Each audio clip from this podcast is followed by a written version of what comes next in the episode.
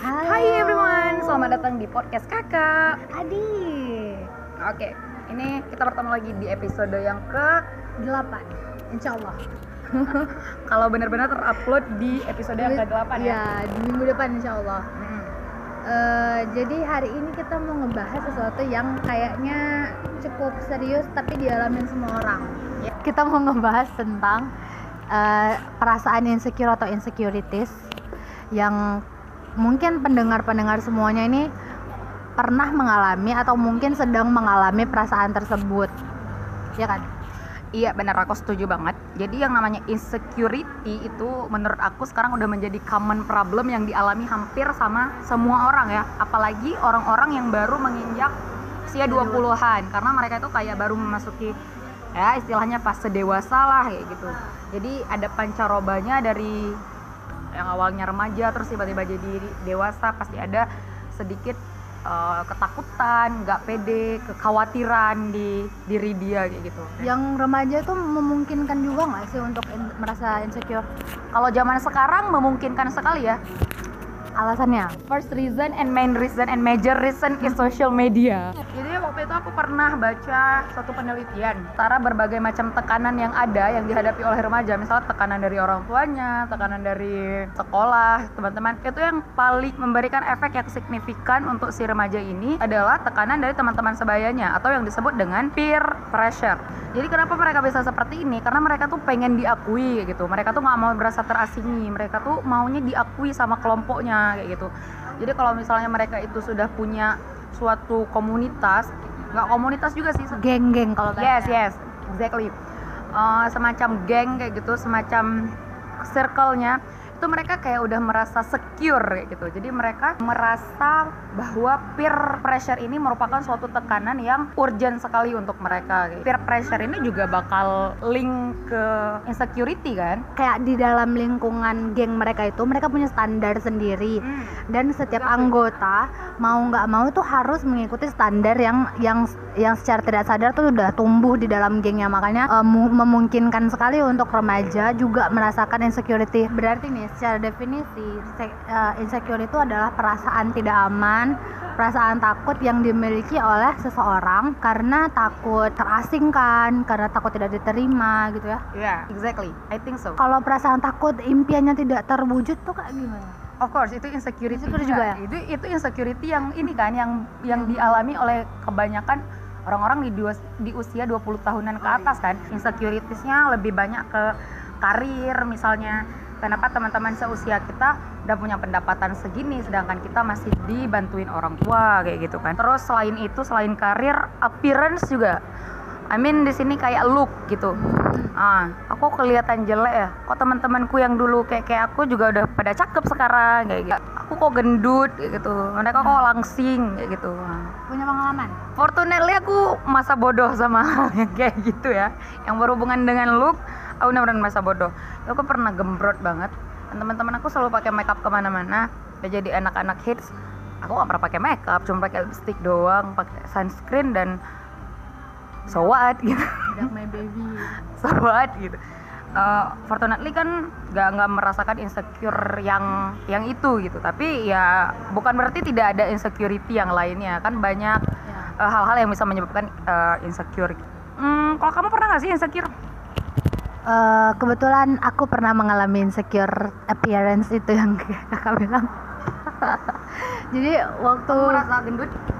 Enggak eh, dulu waktu sekolah sebenarnya dari SMP aku dibully gara-gara punya berat badan atau bobot tubuh yang lebih lebih daripada teman-teman biasanya. Itu dari kayaknya ada dari SD deh.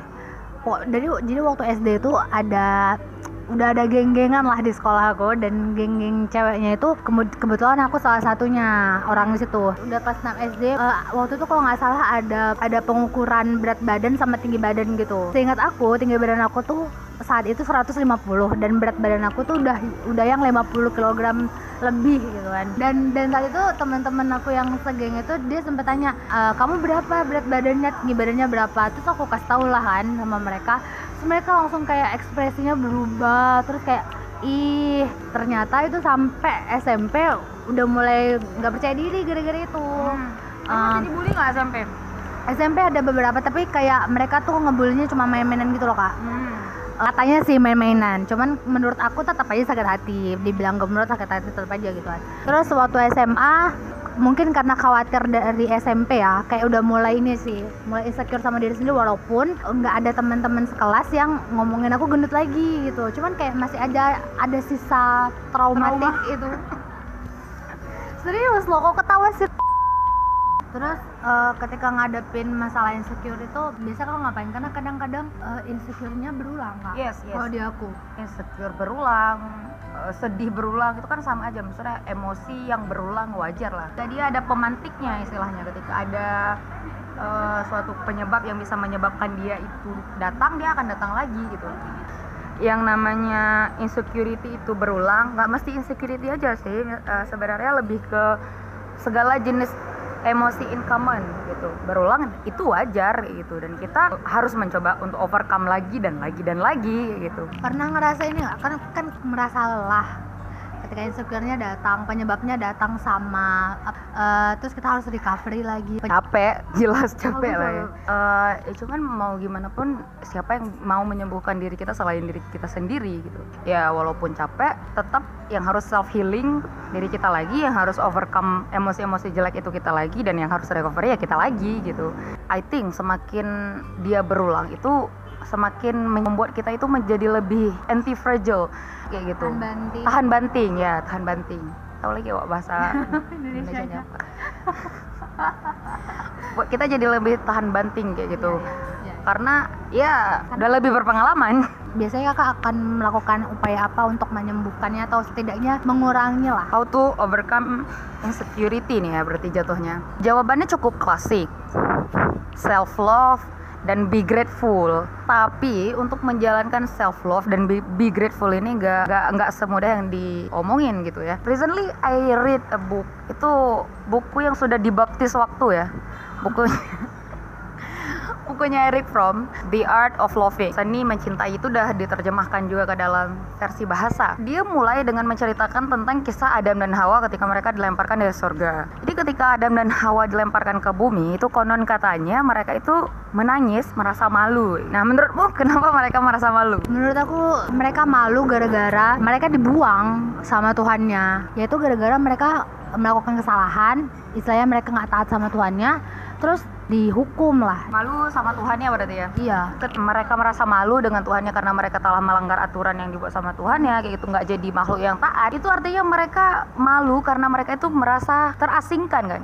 Diasingkan kayak gitu sama Tuhan. Jadi manusiawi manusia itu akan merasa takut merasa anxiety yang sebesar besarnya yang sedahsyat dahsyatnya ketika mereka itu diasingkan ketika mereka itu berbeda dari lingkungannya kayak gitu makanya itu kenapa sekarang itu bisa terbentuk terbentuk yang namanya bangsa? Misalnya kan bangsa itu kumpulan dari orang-orang yang pernah mengalami hi- historis yang sama gitu kan.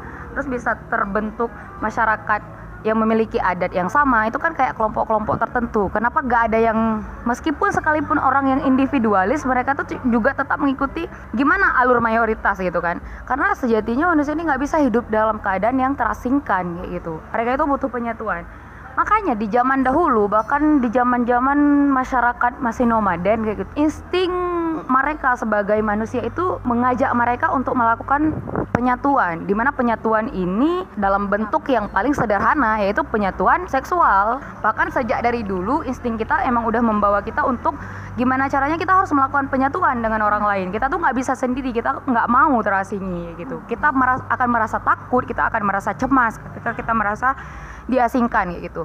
Insecure ini kan juga bagian dari takut, dari cemas kayak gitu kan. Jadi kita kenapa bisa merasa insecure? Karena kita merasa terasingi gitu. Misalnya kayak tadi, orang cantik, kita jelek, merasa terasingi kan, merasa berbeda dari mereka. Orang sukses financially misalnya. Di umur yang segini mereka udah punya pendapatan segini kita belum. Nah, kita juga merasa terasingi dong. Nah, hal-hal kayak gitu yang bikin kita takut kayak gitu. Nah, cara overcome-nya itu ya dengan itu tadi, dengan self love dan dengan be grateful kayak gitu. Karena kita kita nih udah bukan masyarakat nomaden lagi kan? Kita kan udah nggak mengandalkan insting apa apa nih. Kita udah bisa menggunakan akal dan kita udah punya ilmu pengetahuan. Jadi kita bisa mikir dong yang kita cari ini misalnya yang kayak uh, karir tadi mereka udah punya uang di umur segini pendapatannya segini sedangkan kita belum. Apa benar itu yang menjadi goals di hidup kita yang sesungguhnya? Apa hanya melulu masalah uang? Kalau misalnya kita nggak bisa mewujudkan mimpi ataupun nggak bisa mewujudkan goals yang kayak mereka yang sudah capai sekarang, apa yang akan terjadi? Apakah kamu akan menderita semenderita menderitanya? Apakah kamu akan menjadi budak? Saya rasa tidak.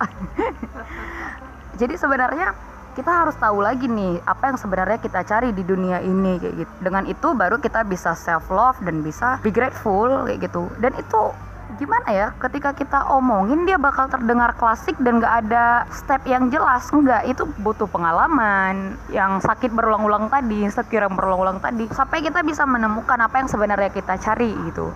Whether it you seek for happiness or pleasure. Cut cut cut